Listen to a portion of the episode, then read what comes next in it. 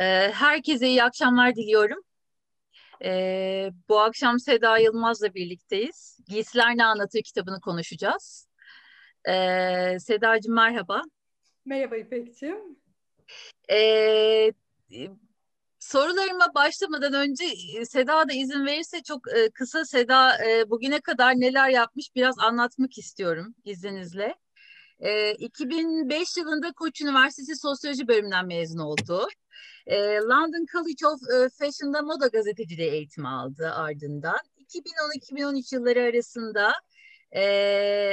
El ya da Elle mi nasıl e, tercih evet. ediyorsun? Dergisinin moda haberleri editörü olarak görev yaptı. E, daha sonra yazıları Vogue, The Guardian, Cumhuriyet Pazar, Birikim, T24, e, beş harflerde yayımlandı. Elle dergisi için 2019 yılında Deniz Kandiyoti ile çok önemli bir röportaj yaptı. Kadınlık ve erkeklik halleri üzerine. E, o röportajı henüz görmeyen varsa muhakkak ulaşsın ve okusun. Çok önemli bir röportaj. E, ve en son olarak da Giysiler Ne Anlatır kitabı Ocak 2020'de Mundi Kitap tarafından yayımlandı. Ama Seda durmuyor. Çok güzel yazılar yazmaya devam ediyor. E, bu hafta geçtiğimiz haftalarda Pierre Cardin'in ölümü üzerine e, çok e, güzel e, tartışan e, önemli bir kale e, bir yazı kaleme aldı. Onu da hatırlatmış olayım. Ona da herhalde internetten bir biçimde ulaşabiliyoruz Seda değil mi? Evet evet evet çok teşekkür ederim İpek. E, şimdi nasıl başlayalım? E, aslında e, çok önemli bir kitap. Ee, senin kitabınla birlikte e, bir, bir önceki dönem çıkan bir kitabı daha anmak istiyorum izninle. Eda Çakman kitabı Ayız yayınlarından çıkmıştı. Çok önemli bir kitaptı o da. Bu konuyla ilgilen, ilgilenen e, Ayız artık bizimle değil tabii ama kitapları bizimle çok şükür. Bu konuyla moda ile ilgilenen, moda araştırmaları üzerinde e, okumak, e, e, düşünmek isteyenler Seda'nın kitabıyla birlikte aslında Eda Çakman da kitabını e, okuyabilir. E, karşılıklı çok hoş bir e, okuma olur diye böyle de bir öneride bulunayım. Ben ufak bir şey söyleyebilir miyim? Benim Lütfen. arkamda e, o kitaptan çıkan evet. var. Belki görüyorsunuz. Evet. o da evet. o kitabın içinden çıkan e, Ayizi'nin son posteriydi. Yazmaktan evet. vazgeçme. Evet, e, öyleydi. E, onu da burada almak istedim izninle. E, şimdi Türkiye'nin siyasal, sosyal, kültürel tarihiyle, e, ekonomi tarihi içinden moda tarihini aslında senin özgün tarihin içinden görüyoruz bu kitapta. Ve e, bu senin aynı zamanda bir noktada kendini de inşa etme tarihin gibi. E, bu çok önemli çünkü tam da buradan anlatmaya başladığın için e, moda sadece moda olmaktan çıkıyor. Aslında bu çok bildiğimiz bir cümle. Moda sadece moda değildir. Ama sen kitapta gerçekten bunu çok e, somut biçimde e, ortaya koymuşsun. Ama bu akşam da konuşalım. Moda neden sadece moda değildir? Tabii. Ee, öncelikle çok teşekkür ederim sanat kritiğe ve sana beni davet ettiğiniz için. Bizi dinleyenlere e, Umarım heyecanlıyım epey. Umarım e, güzel konuşacağımız, sohbet edeceğimiz bir buluşma olsun. E, şöyle başlayacağım. Moda neden sadece moda değildir? Böyle güncel bir örnekle e, anlatmak istedim. Bugün biliyorsunuz Joe Biden yemin töreni hatta bu konuştuğumuz saatlerde Amerika'da şu anda yeni başkan yemin törenini yapıyor. Ondan önce de başkan yardımcısı Kamala Harris ve eşleriyle birlikte bir Covid anması, Covid-19'da kaybeden, hayatını kaybedenler için bir anma törenine katıldılar. Ve bunun hemen ardından e, Joe Biden'ın eşi Jill Biden'ın ve Kamala Harris'in giydikleri kıyafetler üzerine e, hemen böyle deşifreler yapılmaya başlandı. Çünkü e, neden? Onların giydiklerinin bize nasıl bir e, Amerika'nın bizi beklediğini göstereceğini, simgeleyeceğini, onunla ilgili ipuçları taşıyacağına e, inanıldığı için bunu deşifre ettiler. Ve şöyle Kamala Harris e, bir siyah e, tasarımcının, genç bir siyah tasarımcının e, Carrie Jean Raymond, onun böyle arkası pileli, deve tüyü rengi bir kabanını giymişti.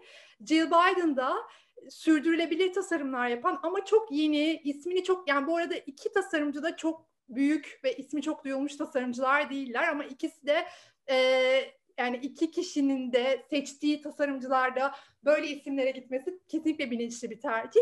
Jill Biden da Jonathan Cohen sürdürülebilir tasarımlar yapan bir tasarımcıyı tercih etti.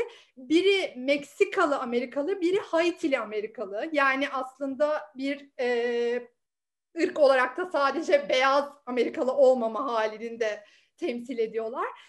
E, ve buradan işte yola çıkan bir okuma da aslında kıyafetlerin alt okuması. Jill Biden işte mavi bir kaban, e, şey pardon mor bir kaban tercih etti. Hemen mor üzerinden işte feminizmin rengini tercih etmesi ve işte daha kadın haklarına önem verilecek bir döneme girilmesinin bir mesajı gibi. Kamala Harris tarafında siyah bir tasarımcının seçiliyor olması bugüne kadar modada hep beyazlar üzerinden daha büyük temsiliyet verilmesi beyazlara. Yani moda dergilerinden tutun da tasarımcılara kadar hep beyaz e, üstünlüğü üzerinden giden bir anlatımın olmasının kırılacağını yavaş yavaş bize gösteriyor. E, geriye dönelim mesela Melania Trump'a bakalım. O ne yapmıştı? Çok e, bence çarpıcı bir örnek olduğu için onu vereceğim.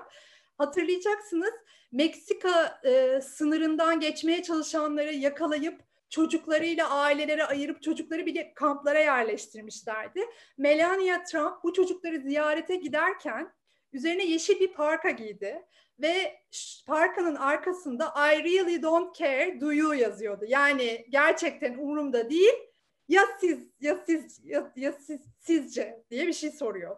Tabii işte e, basın danışmanı açıklamalar yaptı. Herhangi bir mesaj taşımıyordu bu giydiği filan gibi ama aslında giydiklerimizle biz dışarıya bir şey anlatıyoruz tabii ki de.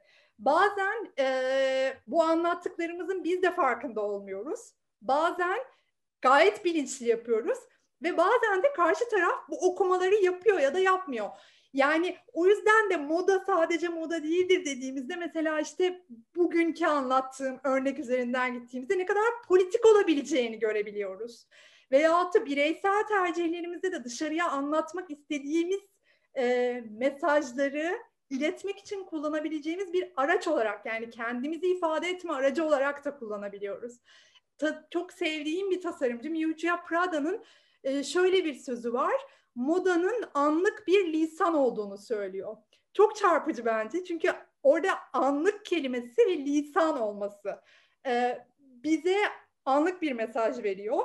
Biz o lisanı biliyor olabiliriz, bilmiyor olabiliriz ama e, kafamızda onunla ilgili bir şey yanabilir. Yani bugün hiçbir şey bilmiyor olsak bile mesela Jill Biden'ın mor giyiyor olmasıyla alakalı belirli çıkarımlar yapabiliriz. Bu alt okumaları ben size anlatmamış olsaydım da belki diyecektiniz ki Amerika'da kadın haklarından daha kadın haklarına daha önem verilecek bir döneme girildiğinin mesajı verildi gibi. Yani bunu politikacılar da yapıyor. Bireysel olarak biz de yapıyoruz.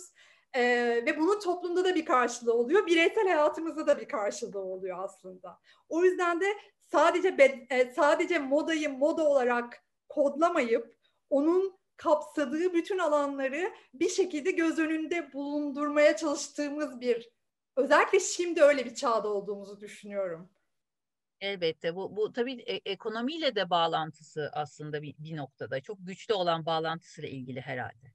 Kesinlikle öyle. Zaten e, sonuçta tüketimle çok iç içe geçmiş bir alan olduğunu yatsıyamayız. Tabii ki de salt tüketimden ibaret değil ama e, tüketim alışkanlıklarımızı modadan ayrı, giysilerden ayrı düşünemeyiz bence. Evet, so sosyolojik e, sosyolojinin e, araştırma alanlarından biri aslında moda. E, belki onu da söylemek gerekiyor. Senin de bir sosyoloji geçmişin var. Senin için e, bir yazıda e, moda düşünürü e, ta, şeyini kullanmışlar. E, çok hoşuma gitti. Gerçekten de çünkü bu konuda çok emek veriyorsun. E, bu çok saygı duyulması gereken bir emek bence. E, her şeyin üzerine düşünüyorsun, araştırıyorsun, yazıyorsun. E, bu konuda zamanda bir okur olarak ve e, modayı izlemeyi seven biri olarak öncelikle çok teşekkür ediyorum. Az önce bahsettiğin şeyle de bağlantılı aslında. E, kitapta da çok üzerinde durduğu bir mesele işte görüntü ve görünme meselesi. E, görünüşün niteliği meselesi. Özellikle bunun altını çiziyorsun. Ama bunun e, aslında kadının varlığından pek de koparılamayan hatta bilinçli olarak koparılmayan bir şey olduğunu da söylüyorsun. E, hem görselliği sorun ediyorsun bir yandan hem de e, görselliğin anlatı dilinin içine haliyle sızıyor konu moda olduğunda.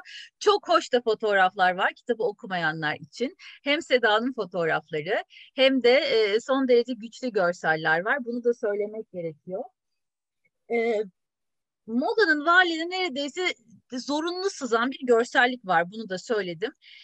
Görünme ve kimliğin inşası ilişkisini de çok önemsiyorsun kitap boyunca. Ee, bu konuda ne söylemek istersin? Onu şöyle anlatayım. Aslında görünme ve hani sen dedin ya bu koparılmaktan sakınıldığını söyledin ya bence o çok önemli bir şey. Oradaki sakınılmak çünkü bize şunu söylüyor. Kadının bedenle erkeğin akılla özdeşleştirildiği o bizim hani klasik her şeyi onun üzerine kuruyoruz ya aslında evet.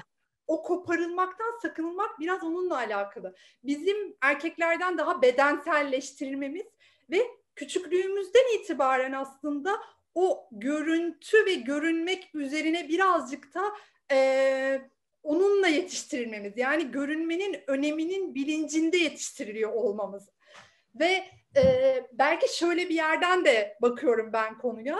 Örneğin mitolojiye bakalım, dinlerdeki anlatılara bakalım. Hep mesela güzel kadın ya da dış görünüşüne önem veren kadın e, şeytanlaştırılır, kötüdür, tehlikelidir. E, oralardan yola çıktığımızda da şuna gidiyoruz aslında. E, ta o mitolojik anlatılarda, dini anlatılarda kurulan bu kadının bedenini süslemesi, güzel olması, e, dikkat çekici olması, görüntüsüyle haşır neşir olmasının makbul kadın olmayan, erkekler için tehlike arz eden bir kadın olması e, gibi anlamları var aslında. Ve oradan da nereye gidiyoruz? Bugüne baktığımızda da işte ta o günden itibaren kurulmuş olan makbul ve makbul olmayan kadın. Yani o tehlikeli kadın sularına girersen sen sen makbul olmayan kadın olursun ve işte e, toplumsal cinsiyet rejiminin e, kurucu e, şeylerinden bir tanesi de bu makbul ve makbul olmayan kadınlar arasındaki ayrım üzerindendir ya e, giydiklerimizle de bunu bir şekilde anlatmaya bizi itiyor aslında. Yani ben şimdi onu giymeyeyim ki benim hakkımda kötü bir yargıya var, varmasınlar da bunun bir parçası. Ee, sokağa çıkarken bir şeyi giyip giymemek üzerine 80 kere düşünmek de bunun bir parçası.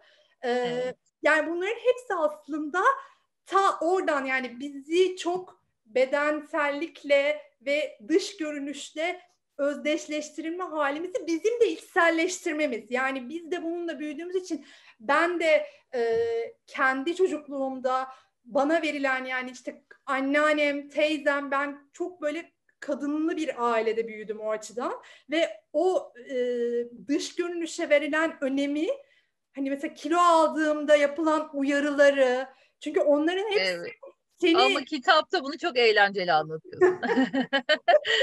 Teşekkür ederim. Yani onların hepsi çünkü senin e, değerini düşürüyor. Yani kilo almakta senin kadın olarak bir değerini düşürüyor. Senin makbullük kadın makbul kadınlık sınırların var, belirli bir çerçeven var ve işte onun içinden e, ona e, o çerçevenin dışına çıktığın her yerde kimi zaman ailendeki kadınlar, kimi zaman erkekler seni böyle e, parmak sallayarak uyarıp olman gereken bir kadını e, seni yönlendirmeye çalışıyor. İşte daha uysal, daha e, baş kaldırmayan, daha uyumlu, daha ılımlı böyle bir kadın olman. Ve bunu giydiklerinde de yansıtman. İşte o yüzden mesela giydikleriyle e, erkekleri büyüleyen tehlikeli kadınlar vardır. Yani edebiyatta da var bu filmlerde hep öyle işte e, bir kötü kadınlar bir iyi kadınlar var hep. O kötü kadınların giyim tarzlarını düşünelim. Tabii Veya... Femme Fatale mesela e, ilk başta e, kıyafetiyle değil mi? Yani Kesinlikle öyle. Yani evet. öyle bir sürü figür var ve tamamen işte bu ayrım üzerinden zaten şimdi aslında işte bu makbullük makbul olmayan olmak e, ayrımı üzerinden gittiği için de gerçekten kop, dediğin gibi koparılmaktan sakınılıyor. Bizi dış görünüşümüzden koparmaktan sakınıyor bütün sistem. Evet. Ee, peki biraz bu hatta kalmak istiyorum izninle. Ee, yani yine kitaptan devam edeceğim elbette. Ee, kadınlık kadın olma ilişkisi üzerinden anlamaya gayret ediyorsun. E, bunu söylemiştim. E, modanın cinsiyetin daima dişi olarak algılanması nedeni üzerinde duruyorsun. E, ama tabii e, şuna da değiniyorsun. Erkeklerin de tarih boyunca aslında iyi görünmek, iyi giyinmek gibi bir dertleri vardı. Buradan bir prestij devşirmek gibi bir e, çabaları vardı. Bunu belirtiyorsun. E, mesela 17. yüzyılda ama sonra e, mitolojiye de baktığımızda 17. yüzyılda tahta mankenleri e, Yunan mitolojisinde yaratılan ilk kadının adı olan e, Pandora'nın adının verilmesi. İşte az önce söylediğin e, din, din e, e, disiplininde işte erken Hristiyan ve Ortaçağ kilise papazlarında etkilenen ahlak bilimcilerin e, kadınların modaya, süslenmeye, giyinmeye olan düşkünlüklerini eleştirdiğini hatırlatıyorsun. E, bu noktada e, az önce de söylediğimiz gibi aslında e, moda burada e, bir yerde de bir sistem tarafından aslında sadece kadınların ilgilenmesi gereken e, bir yere itiliyor gibi. Bu konuda ne düşünüyorsun? Ya da ne söylemek istersin? Çok kadın olmakla özdeşleştirilmiş dediğin gibi aslında tarihsel olarak sadece kadınların alanı olmasa bile yani mesela Osmanlı padişahlarına bile baktığımızda ne kadar daha şatafatlı, şaş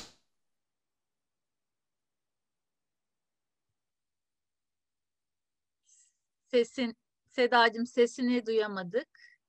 Şimdi duyuyor musunuz? Tamam şu anda harika. Ee, Osmanlı padişahlarında kaldı. dahi ne kadar bu e, şaşalı renkler, e, dokular görüyoruz.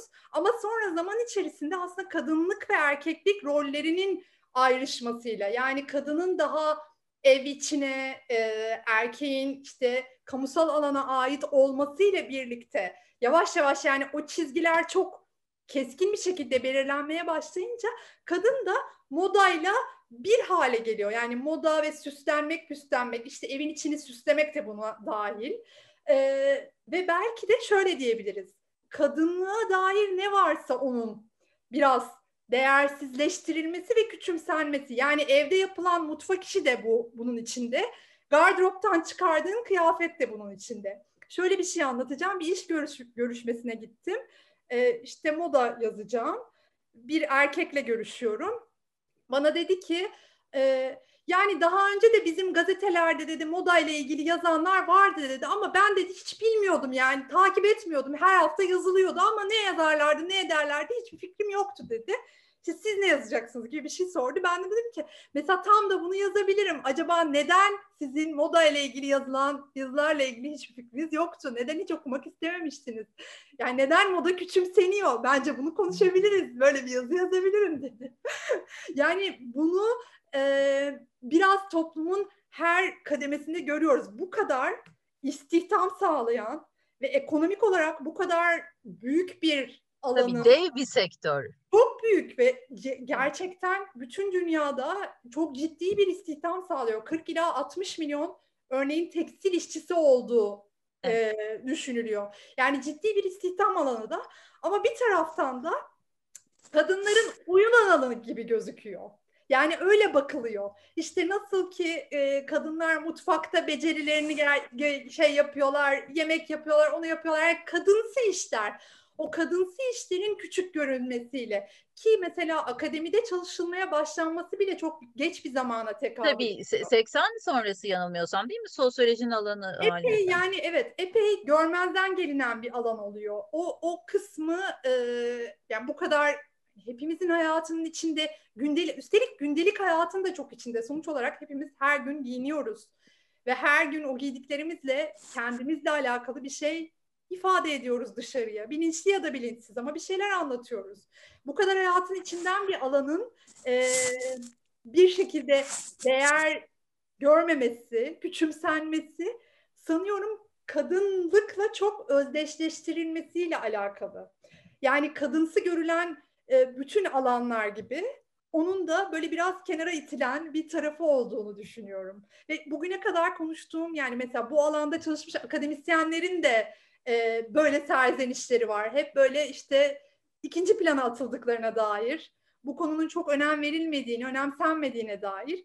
Neyse ki bence son yıllarda daha politik bir alana kaydığı için, daha politik meseleleri de tartıştığımız için belki bundan sonraki kuşaklar için daha farklı olacaktır e, modayı tartışmak ve konuşmak.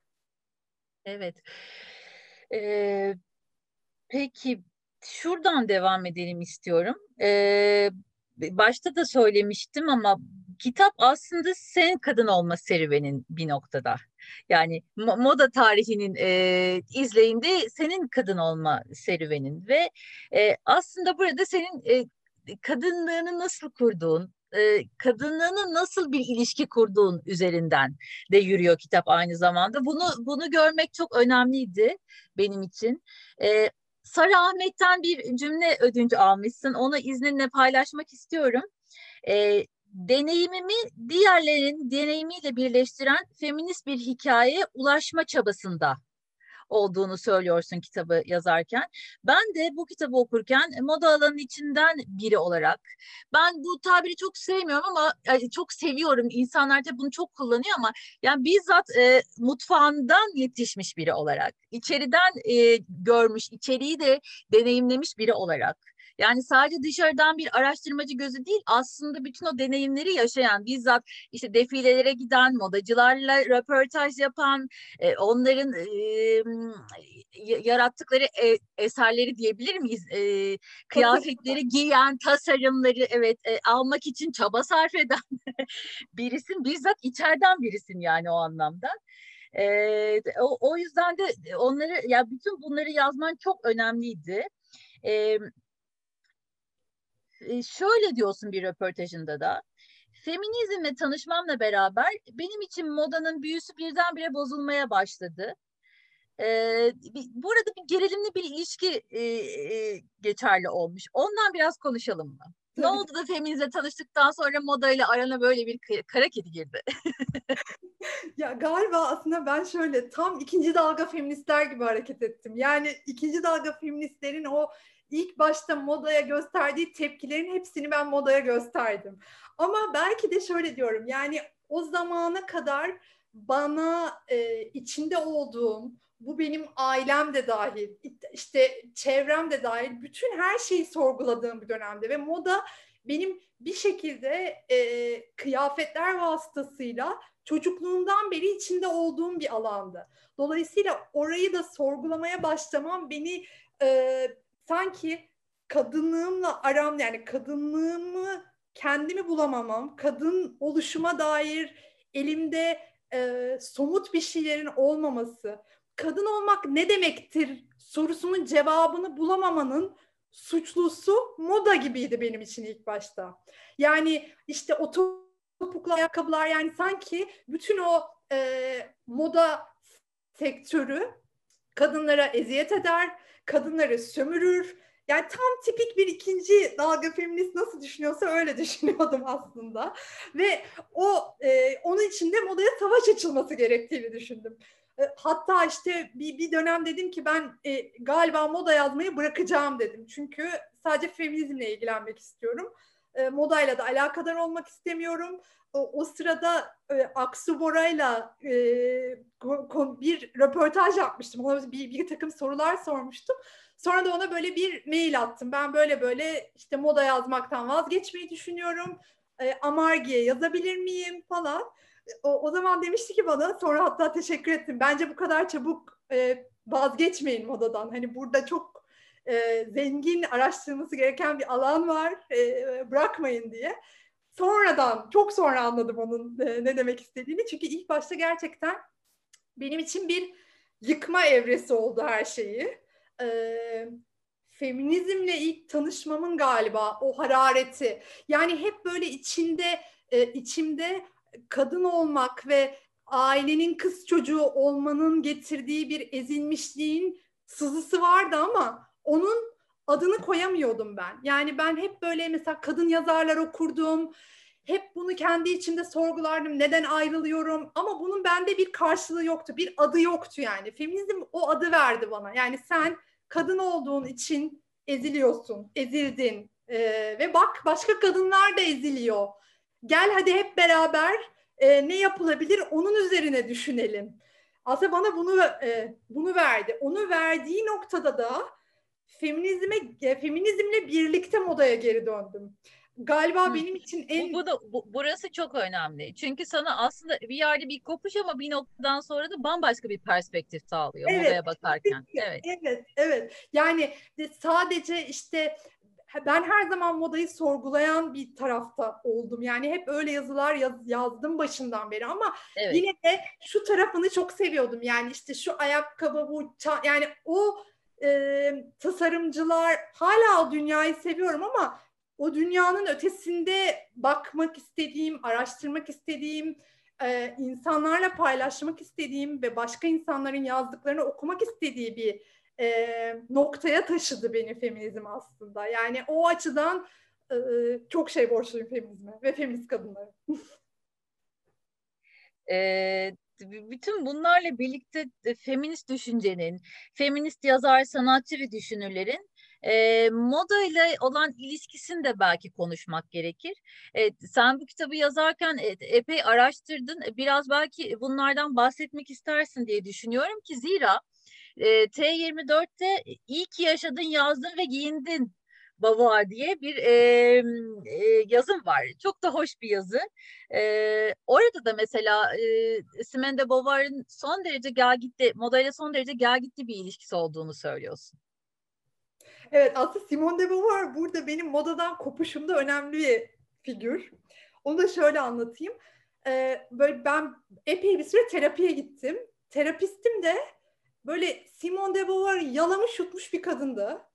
Ve e, asla makyaj yapmaz, asla takı takmaz ve bunların yani böyle süslenip süslenmeye karşı çok tepkisi olan bir kadındı. Yani o kadınsı ol yani kadınlığın süslenip süslenmeyle özdeşleştirilmesine karşı çok tepkili bir kadındı. Ee, ve bana hep şey diye anlatırdı yani Simone de Beauvoir asla e, modayla işi olmazdı. İşte bununla ilgilenen kadınları da küçümserdi. Bak kitaplarında da böyle böyle örnekler var. Ben de kendim Simone de Beauvoir'ı okuyunca ikna oldum yani. Aa evet modaya gayet tepkili. İşte giyinen kadınları e, son derece e, yargılıyor. Ve buna inandım. Baya hani oradan da yürüyerek kendi kendime dedim ki benim modayla ne işim var? Bak Simone de Beauvoir da bu kadar tepkiliymiş zaten. En, en büyük feminist yani o, o tepkiliyse benim asla işim olamaz. Sonra bir şekilde e, ya dedim ki kendi kendime ama yani bu kadının fotoğraflarına bakıyorum bir tarzı var. Yani bunu inkar edemeyiz. Bütün fotoğraflarında kendine has bir tarzı olduğu çok net gözüküyor. Sonra Guardian gazetesinde 1960'ta onunla yapılmış bir e, söyleşiyi buldum. Orada da ya söyleşi de şöyle onun gardırobunu açıyorlar. Yani gardırobundan sevdiği kıyafetleri gösteriyor. İşte ben bu kimonoyu seviyorum diyor. Şöyle yani e, bir yandan hani böyle modayla olan o gelgitli ilişkisinden de bahsediyor ama bir yandan da işte dışarı çıkarken şunu giyerim diyor, bunu giyerim diyor. Hatta böyle ben şeyi düşündüm. Ben çok bayağı uzun bir süre Vogue'da Hayatım Stilim diye bir bölüm yapmıştım. Kadınların evlerine gidiyorum ve onların işte e, kıyafetlerini bir fotoğrafçıyla birlikte gidiyoruz. Fotoğrafçı onların şık ve marka kıyafetlerini fotoğraflıyor. Ben de onlarla giysiler, giyinmek, stil sahibi olmak üzerine böyle konuşmalar yapıyorum. Demiştim ki aa ne güzel biri de 1960'ta Simone de Beauvoir'da böyle bir konuşma yapmış. Onu e, okuduktan sonra ya dedim ki ben bunu birazcık daha araştırayım. Yani bu kadar tepkili olmasının altında belki bir şey olabilir. Çünkü fotoğraflarda gördüğüm kadarıyla dediğim gibi çok da e, modaya savaş açmış biriyle karşı karşıya değiliz. Değiliz. Çok belirgin bir saç modeli var. Kırmızı ruju hiç eksik olmuyor. Evet. Ee, ve yani bunlara dikkat ettim. Oradan bazı feminist akademisyenlerin yazdıkları makalelere gittim ve onlar aslında şöyle bakıyorlar. Ee, içinde bulunduğu zaman dilimi içinde modayı eleştiriyor. Yani tam İkinci Dünya Savaşı'ndan sonra işte ikinci cinsiyeti yazdığında e, Paris'te Christian Dior işte e, New Look bu çok eleştirilen o dönemde. Çünkü tam savaşın ardından son derece fazla kumaş kullanılan tasarımlar yapıyor. Ee, kadınları böyle ta daha yüzyılın başına götüren korsajlı, korseli, yüksek bel böyle kabarık bir e, kroş etekler, üzerlerine bar ceket dediğimiz kısa ceketler, e, şapkalar, topuklu ayakkabılarla e, bütün aslında Paris'i kasıp kavuran bir tarz, tarz yaratıyor Christian diyor. E, ve diyor ki bu benim okuduğum feminist akademisyenler aslında e, Simone de Beauvoir'ın tepkili olduğu tarz buydu. Yoksa hmm. modanın kendisine bir tepki beslemiyordu ama bu tarza ve kadınların bu şekilde yeniden eski bir modanın içine sıkıştırılıp o eski rollerinin içine geri döndürülmeye çalışılması kıyafetler aracılığıyla bunu eleştiriyordu. Ve bana da bu aslında aklıma yat, yattı. Ee, ondan sonra da dediğim gibi biraz böyle Simone de Beauvoir moda ilişkisine şey bakıyorum. Bence o kadar tepkili değildi. Peki böyle e, araştırma sırasında rastladığın başka isimler var mı? Ee, yani ikinci Feminist da... isimler. Aha. İkinci dalgada Sheila Robertson mesela şeyleri yazıyor. İngiltere'de 60'larda böyle işte protestolarda mini etek giydiklerinde erkeklerin onlara gösterdikleri tepkileri yazıyor örneğin. Ee, her tabii dönem... ama o dönem bir de mini etek e, yani tabii elbette sen daha iyi anlatabilirsin. Mini etek bir şey e, e, protesto nesnesi gibi. E, şeylerde falan e, gösteri afişlerinde falan hep e, onlar var. Evet kesinlikle öyle evet. ve işte e, orada erkeklerden e, nasıl tepki gördüklerini hani beraber sonuçta 68 hareketi, gençlik hareketi var ve o gençlik hareketinin içinde kadınlar e, yine giydikleri üzerinden yargılanıyorlar. Yani ne, devir değişiyor. Mesela bugüne geliyoruz. Bugün de yine aynı. Bir şekilde o kadınların giydikleri ve kıyafetleri üzerinden yargılanması, yaftalanması e, meselesi sanıyorum değiştiremediğimiz bir şey yani. Evet. Ee, peki moda yani bir sektör olarak yani az önce de söyledik ama kadınların bedenleriyle olan ilişkilerini yönlendiriyor. E, zaman zaman manipüle ediyor, zaman zaman işte e, onunla barışmasını söylüyor ama hep böyle bir e, şey. Aslında bir yönlendirici, ne yapmasın gerektiğini söyleyen bir ses tonu var. Bununla birlikte mesela moda sektörünün son dönemde yani son beş sene içinde diyebilir miyiz bilmiyorum. O tarihlendirmeyi sen daha iyi yapabilirsin, daha iyi gözlemlediğin için. Feminist eğilimler ve feminist çabalar var e, moda sektöründe, markalar içinde. Ya da işte e, kadın meselelerine duyarlılık var. Bunu bir biçimde e, işte e, görünürlük politikası olarak sunan markalar var. E, sen bu çabaları e, yani samimi buluyor musun ya da bu işe böyle bakmamalı mıyız? Ne dersin? Yani moda doğası gereği popüler olan ne varsa o anda yükselen zamanın ruhu e, e, nereden esiyorsa aslında onun alıp bir şekilde onu kullanıp onun üzerinden e, hikayeler kurmayı seviyor. Biraz feminizme oradan bakmak lazım. Yani feminizmin son 10 yıldaki belki ana akımlaşması ve yükselişi e, Evet yani bir talep var ve o talebe bir karşılık mı yoksa gerçekten de kadınları duyan bir bir şey mi var orada? Gerçekten kadınları duymak gibi bence o biraz yani naif olabilir. Tabii tabii.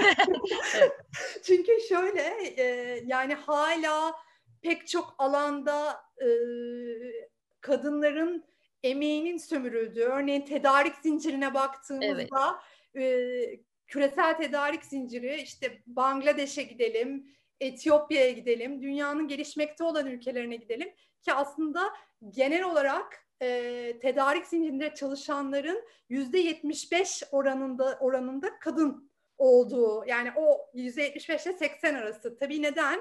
Evet. Ucuz iş gücü olduğu için kadınlar tercih ediliyor. Yani e, orada tabii görüntüde feminizmi kullanmakla eylemler arasında bazen boşluklar olabiliyor. Hı hı. Ama e, yine de bir şekilde feminizmin sesini duyurmakta aracılık etmesini modanın ben önemli buluyorum. Birçok genç insanı da e, o şekilde davet ediyor feminizmin içine. Ama ne oluyor? Belki şu şöyle bir zarar oluyor. Çok daha e, bireysel ve hep güçlendirme, o bireysel güçlendirme hikayeleri üzerinden kurulan bir e, feminizm. Yani orada bize kolektifliğini unutturan, onu göstermeyen bir tarafı oluyor. E, galiba hani bir yarar tarafı insanları daha çok kadını oraya çağırması olurken zarar tarafı da çok bireyselleştiren ve çok özne, bireysel özne üzerinden giden bir hikaye kuruyor olması sanıyorum birazcık zarar veriyor. Peki feminist hareketin hiç mi kazanımı yok? Mesela aklıma işte beden olumlama hareketleri, işte 34 XS bedenlerin işte artık şeylerden, podyumlardan bir şekilde onları podyumlarda var etmeme çabaları, daha işte X-Starch bedenleri yani böyle mi tabir ediliyor bilmiyorum yanlış bir şey de kullanmak istemem. Ama daha işte kilolu kadınların görünürlükleri çeşitli moda markalarında değil mi? İşte reklam sektöründe e, bunları bir kazanım olarak e, düşünebilir miyiz? Ya da mesela işte az önce bahsettiğimiz kadın emeği yani sömürülen emeğin bir biçimde işte e, kullanıcıların protestolarıyla e, bir biçimde düzenlenmeye başlanması falan bunları bir kazanım olarak görebilir miyiz? Kesinlikle. Ya bence e, ben ben işte 2000'lerin 2004-5 falandı yani ilk böyle dergilerle alakadar olmaya başladığım, staj yaptığım yıllar ve gerçekten beyaz ve zayıf olmayan hiçbir kadın yoktu dergilerde. evet ve, ve de çok, bu var evet beyaz. Hani çok net ve hani bir şekilde bugün yeni kuşakta dergi alıp e, her çeşit kadını görebiliyor olması gençlerin bence bir kazanım. Ha bu göstermelik de yapılıyor olabilir ama sorun değil. Yani o çeşitliliği görüyor olmaları, sadece tek tip bir kadın üzerinden bütün her şeyin kurulmadığını görüyor olmaları bence çok kıymetli ve kazanım. Ha ama tabii ki de ne oluyor? Markalar bunu kullanabiliyor, bunu sömürebiliyorlar. Kendi pazarlama araçları olarak kullanabiliyorlar. Yani işte de, örneğin bir marka e, büyük beden mankenle çekim yapıyor fakat mağazasına gidiyorsun X derece kadar var. Büyük beden yok yani. Mesela e, o tamamen bir pazarlama evet. pazarlama stratejisinden öteye gidemiyor. Ama e, evet. bugün özellikle bence sosyal medya sayesinde e, tek tip olmayan kadınların görünür kılınması, dergilerde görünür kılınmak zorunda kalınması. Hem dergilerde hem markaların kampanya çekimlerinde, modanın her alanında.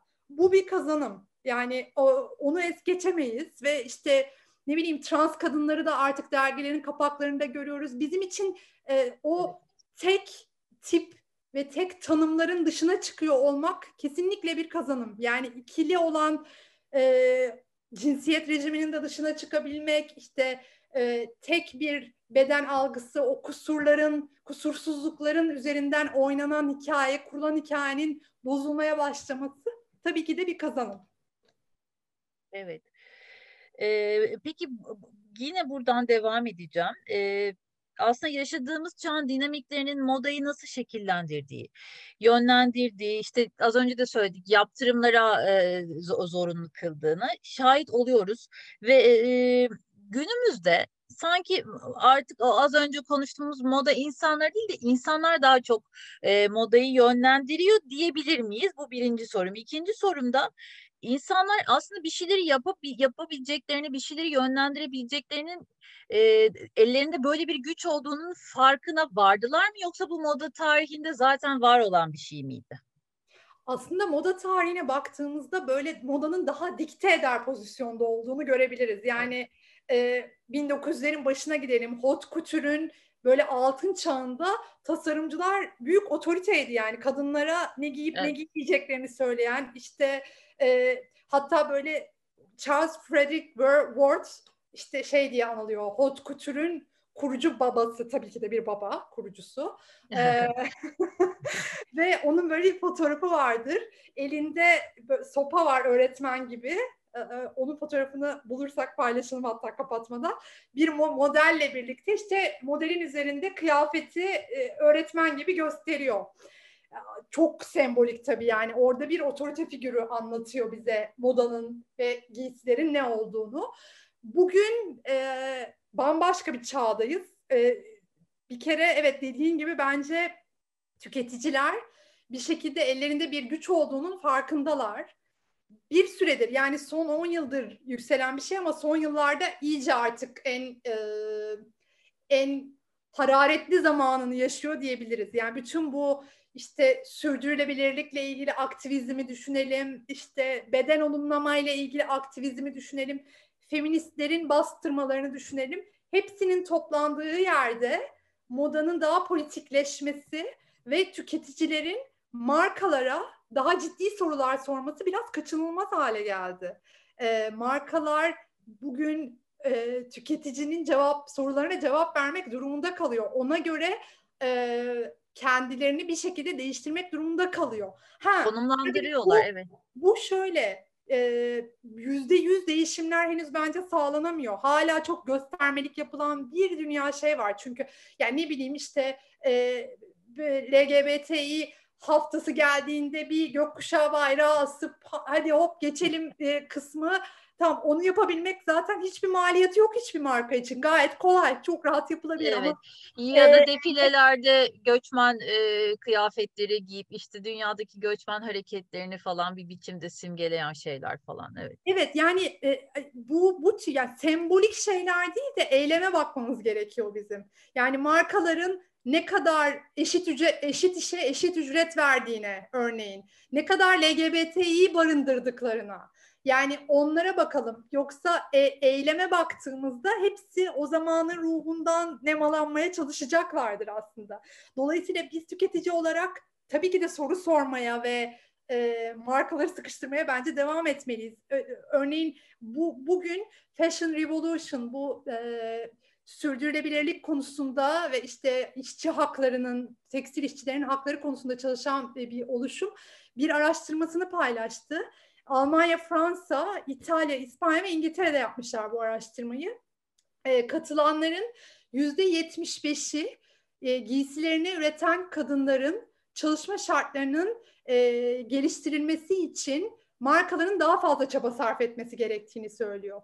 Mesela bu bence e, gerçekten tamamen bununla ilgili çalışan STK'ların, oluşumların bir başarısı, bir kazanımı yani. Böyle bir bilinç oluşturdular tüketicide. Yani tüketici diyor ki siz e, şeffaf olmalısınız. Ne şekilde üretiyorsunuz? Nerede üretiyorsunuz? Bunu hangi kadınlar e, tekstil işçileri hangi şartlarda üretiyor? Bunları öğrenmek istiyor. Örneğin işte bu e, şey sırasında pandeminin ilk başlangıcında markalar e, özellikle hızlı moda markaları üretimi tamamlanmış ya da üretim aşamasında olan ürünleri siparişlerinin iptalini istediler fabrikalardan. İşte bu, bu fabrikalar Bangladeş'te, Kamboçya'da, Sri Lanka'da buralardaki fabrikalar. Tabii ki de çok az maaşa çalışan, çok ucuz iş gücü var. Onun için oraları tercih ediyorlar. Ee, buralardaki fabrikalardan büyük bir feryat. Çünkü o siparişlerin iptali demek o fabrikaların çalışanlarına para ödeyememesi demek. Ve onları ya işten çıkarıyorlar ya izinsiz e, şey e, maaşsız izne gönderiyorlar.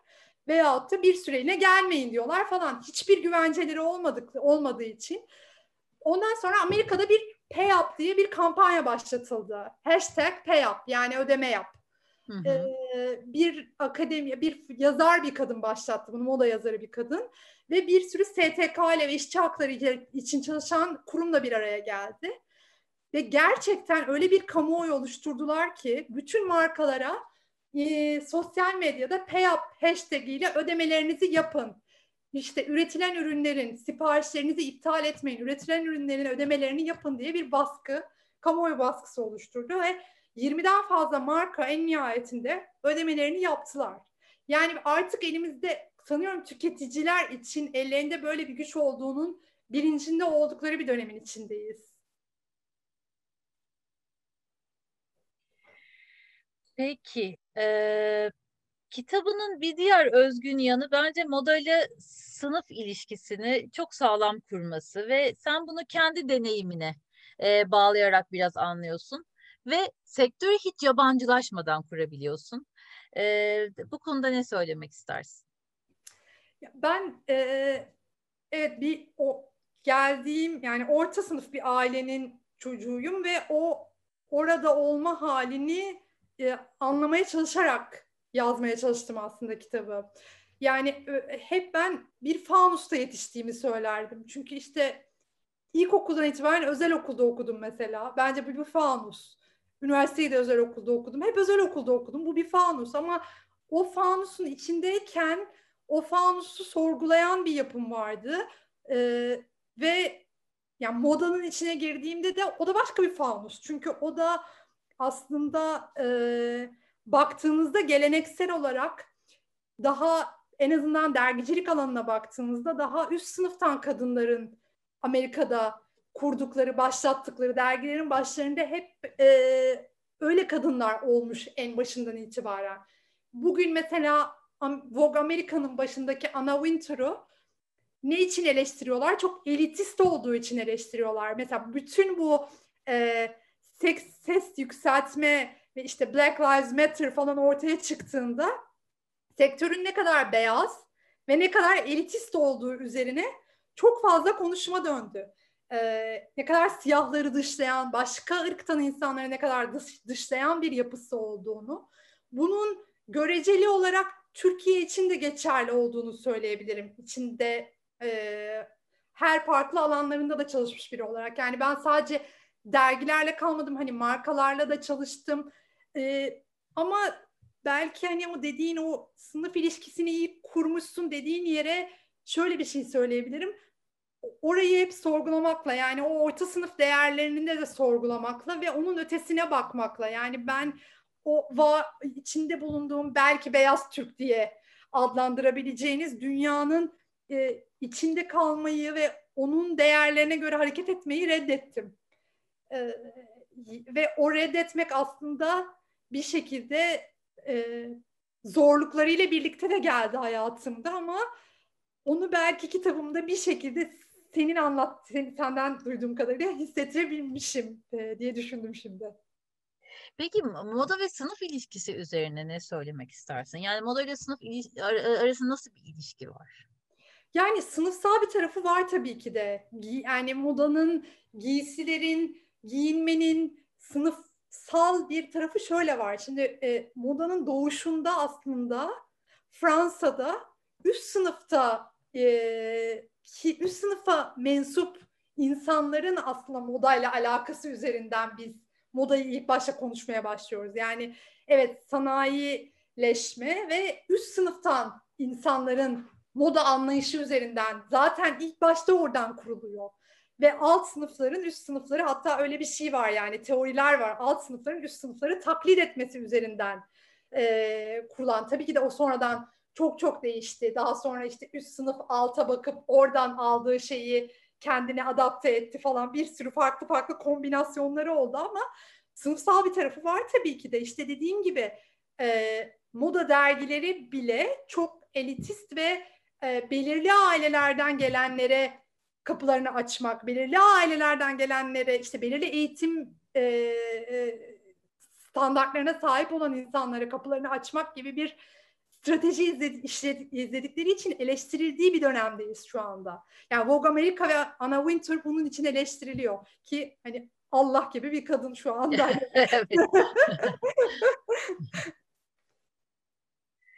ee, peki biraz e, kitaptan azıcık uzaklaşıp son dönemde e, modanın hallerine de bakalım istiyorum. E, sen modanın son dönemde bir yaratıcılık krizinin eşiğinde olduğunu düşünüyor musun? Yani mesela işte bu e, yani ya da böyle bir kriz gibi yaklaşmak yeterli mi buna? Mesela pek çok markanın son dönemde bazen de infial yaratan e, tasarımları oldu. Bunu sosyal medyada e, paylaştıklarında işte kıyametler koptu. E, aynı şekilde reklam panoları, işte kampanyalar ya da ütopik fiyata satılan son derece e, aslında bir noktada basit ya da e, gereksiz bir nesne e, söz konusu oldu. Sen ne düşünüyorsun bu konuda? Yani bir kriz var bence ama krizin sebebi e, esasında modanın çok devasa bir sektör haline gelip hem de aynı zamanda aşırı popülerleşmesi ve e, tamamen tasarımcıların ve aslında modanın alanında moda alanında çalışan herkesin üzerinde hep bir e, kar baskısı, kazanç baskısının çok artması. Tabii ki de moda evvel ezel e, üretilen şeyler satılmalı ve ondan belirli bir gelir elde edilmeliydi. Zaten amaç bu. Ama bugün bunun çok büyük bir tasarımcılar üzerinde çok büyük bir baskı aracına dönüştüğü, bunun içinde e, pek çok şeyin sadece pazarlama aracına dönüştüğü bir dönemdeyiz. Galiba en büyük kriz zaten bundan kaynaklanıyor diye düşünüyorum ben. Yani e, aslında sektörün aşırı ticarileşmesi ve o yarat yani hala çok yaratıcı işler var. Hala çok yaratıcı tasarımlar var. Ama e, tasarımcıların üzerindeki e, bize para kazandır. Hı hı. E, dergi yayın yönetmenlerinin üzerindeki daha çok proje getir, daha çok para kazanalım baskısı. Bunların hepsi gerçek baskılar. Ve yani a, acayip daha aç gözlü ve daha daha daha e, bir çağda olduğumuz için bunu moda sektörünün kendisinde de görüyoruz aslında. Yani e, hiç anormal miktarda marka var, anormal miktarda kıyafet var, tasarım var ve gittikçe de büyümeye devam ediyor ve tek hedef büyümek. Ya bu sürdürülebilir bir şey değil. Ya peki bu böyle e, moda sektörünün kendi içinden yükselen bir böyle bir sansasyonel bir e, te, tepki olarak da okunabilir mi bilmiyorum. Çok mu e, abartılı bir şey söylüyorum. Yani mesela e, tam hatırlamıyorum. Sanırım Gucci'ydi ya da başka bir markaydı ama çok büyük bir markaydı ve e, aslında çok da reklama ihtiyacı olmayan bir markaydı. E, sonuçta alıcısı vardı falan pazarı vardı. Bunlar vardı. İşte şey e, bir basma elbise çok uzun e, bir basma elbise çok ütopik bir fiyatla satışa çıkmıştı. Yani bu, bu buradan sanki böyle bir, bir, bir protest bir ses bir yükselmeye çalışıyor. Böyle okunabilir mi yoksa gerçekten söylediğin şey mi? E, yani bir bir satış kaygısı, bir reklam kaygısı mı? Kesinlikle yani Gucci'nin çok büyük bir marka olması daha fazla reklam yapmasını engellemiyor. Yani ismi ne kadar çok Doğru. insan için cazip olursa çünkü herkes gidip Gucci'nin elbisesini satın alamaz ama işte parfümünü satın alabilir. Rujunu evet. satın alabilir. O yüzden o, o ismin ne kadar çok dolaşıma girerse, ne kadar çok ana akım medyaya girerse sadece moda dergilerinde sınırlı kalmazsa örneğin işte basma bir elbise yapıyorsa e, Gucci ya da belki Balenciaga'ydı bilmiyorum. Evet ee, o, o da olabilir. Basma elbise gibi bir elbisesi evet, var. Evet ben de tam hatırlamıyorum. Sanırım o. Ee, ve onu konuşturmayı başarıyorsa insanlar onunla alakalı. Bunun bir zararı yok. Bir, bir pazarlamadan getirdiği bir e, faydası var hatta karı var yani. Evet. Peki e, son olarak biraz yazarların moda ilişkisine de bakalım istiyorum. E, Tommy Sawyer bir röportajında şöyle bir şey söylüyor. Çok da aslında tekrarlanan e, bir şey bu. E, çevirdiğim yazarın e, fotoğrafı yoksa eğer dostlarının kimler olduğu, nerelere girip çıktığı, nasıl semtleri sevdiğini öğrenmek isterim. Bu özellikler yazarı Türkçe'de yerleştireceğim yeri gösterir bana. Takım elbise giyenle blue jean giyen arasında dil farkı epey olmalı diyor röportajında yazarların modaya yaklaşımı üzerine sen hali düşünüyorsun yazıların da var zaten. Ee, özellikle de Vogue'taydı sanırım Sylvia Plath'tan bahsettiğim bir yazı da var. Evet. Yazarların moda ile ilişkisi üzerine neler söyleyebilirsin?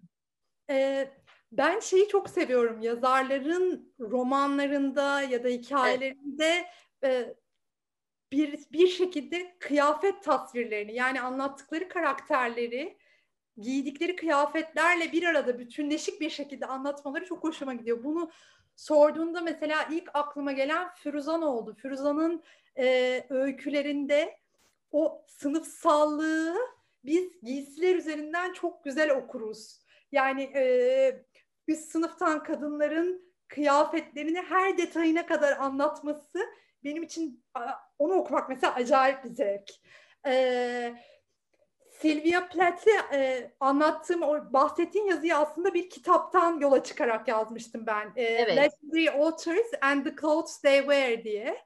O kitapta tamamen böyle yazarların tarzları, yazarlarla e, anılan kıyafetler üzerinden bir e, böyle bir şey yapılmıştı. Toparlama birçok yazara değiniyor yani. Sylvia Plath örneği ilginç çünkü o hem moda dergisinde yazan ama bir yandan da e, bizim şeyden de bildiğimiz, sırça fanustan da bildiğimiz modayla böyle e, gerilimli bir ilişkisi olan bir yazar. Ondan şöyle bahsediyordu. İşte bir, dönemdeki kıyafetleri tam böyle 50'lerin e, hanım hanımcık, şapkalı, işte e, döpiyesli bir tarzı var.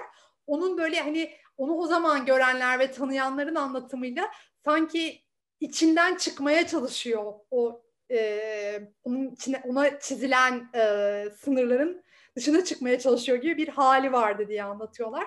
Yani yazarların şöyle de bir e, tarafı var aslında modayla alakalı. Mesela örneğin Colette, Vogue'a yazılar yazan bir yazar. Yine giydikleriyle fotoğraflarından bilirsiniz. Çok e, giydiklerine önem veren de bir yazar. Foto, her fotoğrafında çok son derece stil sahibi gözükür. Hatta 60'lı yaşlarında bir güzellik salonu açıyor Paris'te. Orada da kadınlarla bir araya gelmek ve daha çok okurlarıyla buluşmak istediğini söylüyor. Çok enteresan bir karakter bence o açıdan. E, John Didion önemli bir karakter yine. O da e, hem kendi yazdığı kitaplarda modayı ve kıyafetleri kullanışı hem de kendi stili açısından yani kendi stili mesela pek çok tasarımcıya ilham veriyor. Hatta birkaç yıl önce Selin markasının kampanyasında fotoğraflanmıştı. Ee, yani pek çok yazarın modayla ya moda ya bu arada John Didion da mesela Vogue Amerika'da 5-6 yıl editörlük yapıyor. Ee, Virginia Woolf Vogue'a yine yazı yazıyor. Pek çok yazarın bir şekilde moda üzerinden yani modanın yol, yollarında yol e, aldıkları yolda modada bir durakladıklarını görebiliyoruz ve onun da kendi edebiyatlarına ve ürettiklerine yansıdığını görebiliyoruz. Evet. Ee, Seda az önce bahsettiğin kitabın adını yeniden soruyorlar. Tabii Yazını yazdığın kitabın mi? adını. Evet, hemen evet. buraya. Evet.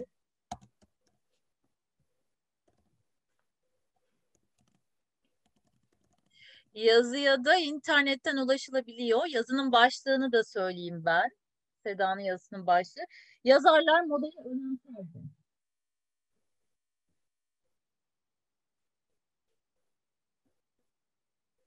Peki e, Türk Edebiyatı'nda mesela başka böyle ilgini çeken, e, dikkatini çeken Firuzan dışında e, bir isim var mı aklına gelen? Ya da böyle bir Türk Edebiyatı şeyinde hattında bir ok- okuma çalışman öyle bir şeyin çaban var mı? Hiç olmadı. Yani şöyle e, okudukça ilgimi çek şeyleri yakalıyorum. Yani en son mesela sizin de Neslihan'la yaptığınız Kız Kadın Öteki e, romanında mesela çok ciddi kıyafet tasvirleri vardı. Evet. O, o, o mesela çok etkiledi beni. Böyle o yazarlara onunla gitmiyorum da kitabın içinde onu bulduğumda çok seviniyorum. Hatta o tasvirleri nasıl anlattıklarını e, şey yapmaya çalışıyorum böyle not alıyorum falan çünkü o her birinin başka başka onu tasvir etme ve anlatma şekli var. Türk Edebiyatı'nda gerçekten aklıma gelmiyor. En net e, gelen Firuzan. Firuzan olarak hatırlıyorsun. Peki, e, benim kitapla ilgili e, sormak istediklerim e, bunlar da çok mu hızlı gittik bilmiyorum ama belki sorularla ya da konuşmak isteyenlerle devam edebiliriz. Evet, genç Werther'in mavi frank sarı yelek pantolon anımsadım siz anlatırken dönemin gençlerin bu taşıyan gi giysileri gez, giyip gezmeleri. Evet, bu, bu şey herhalde e, erkeklerin değil mi o noktada mı? Erkeklerin de modayı nasıl takip ettiğini ama bir dönem yani herhalde bu bundan da biraz bahsedelim Seda istersen. 19. yüzyıldan e, yani belki 19. yüzyılda da elbette var ama 20. Hani yüzyıldan sonra e, erkekler sanki modaya olan düşkünlüklerini bir noktada perdeliyorlar mı, saklıyorlar mı yoksa bu bu kaybolmuş bir şey değil herhalde. Yani aslında o 19'dan daha önce yani 18, 10, 17 sonu 18 gibi e, toplumsal cinsiyet rollerinin daha keskinleşmesiyle evet. Yani efemine olmak belki e, moda ile ilgilenmek e, bu bu şeyde hatta tanınmak. Ondan önce evet. galiba şöyle söyleyebiliriz. Ondan önce daha ortaklaşa giyilen şeyler var. Yani fırfırlar, erkeklerin de makyaj yapması, işte demin dediğim mesela Osmanlı padişahlarının entariler giymesi, e, o kadifeler, kürkler gözünüz önüne getirdiğinizde aslında çok da ayrışmadığını kadının ve erkeğin giysilerde görebilirsiniz. İşte o rollerin keskinleşmesiyle birlikte kadının daha ev içine ve işte evin içini süslemek, kendisini süslemek. Yani kadına biçilen roller bu şekilde. Ve onunla birlikte de e, gerçekten modanın ve giysilerin daha kadınlarla bir görülmeye başlandığını e, zamanla daha da bir görülmeye başlandığını görüyoruz. Peki moda ve e, statü arasındaki ilişkiyi nasıl değerlendirirsin? Statü arasında yani aslında statümüzü göstermek için de giyiniyoruz. Yani her her herkes demeyeyim ama herkesin e, belirli sayıklarla giyindiğimiz düşünürsek kimi insan için giydiklerini e, dışarıya statüsünü gösterme e, aracı olarak kullandığını söyleyebiliriz. Bu tarihsel olarak da böyle. Hani yediğimiz içtiğimizde de kendimizi ayrıştırırız. Giydiğimizle de evimizi dekore etme tarzımızda da o bizim böyle bir kendi habitusumuzdur ya onu anlatmak evet. istedik ve hangi sınıftanız işte nasıl bir e, sosyal statüye sahibiz onu anlatmak isteriz. E, giysiler burada çok iş görüyor. Neden? Çünkü markalar var. Lüks markalar var. Sen onu alabiliyorsan zaten e, durduğun yeri dışarıya gösterebiliyorsun, anlatabiliyorsun. E, o yüzden de hep ola yani hep bir araç ola geldi bence statü için hala da öyle. Peki e, Sedacığım senin son olarak eklemek istediğin bir şeyler var mı? Çok teşekkür ederim. Programımızı kapatmadan önce. Benim için çok keyifli oldu. Umarım katılanlar için de öyle olmuştur. Benim için çok zevkliydi yani seninle sohbet etmek. Çok teşekkür sordukları sorular. Benim için de öyleydi. Benim için de öyleydi. Çok teşekkür ederim. Çok sağ olun.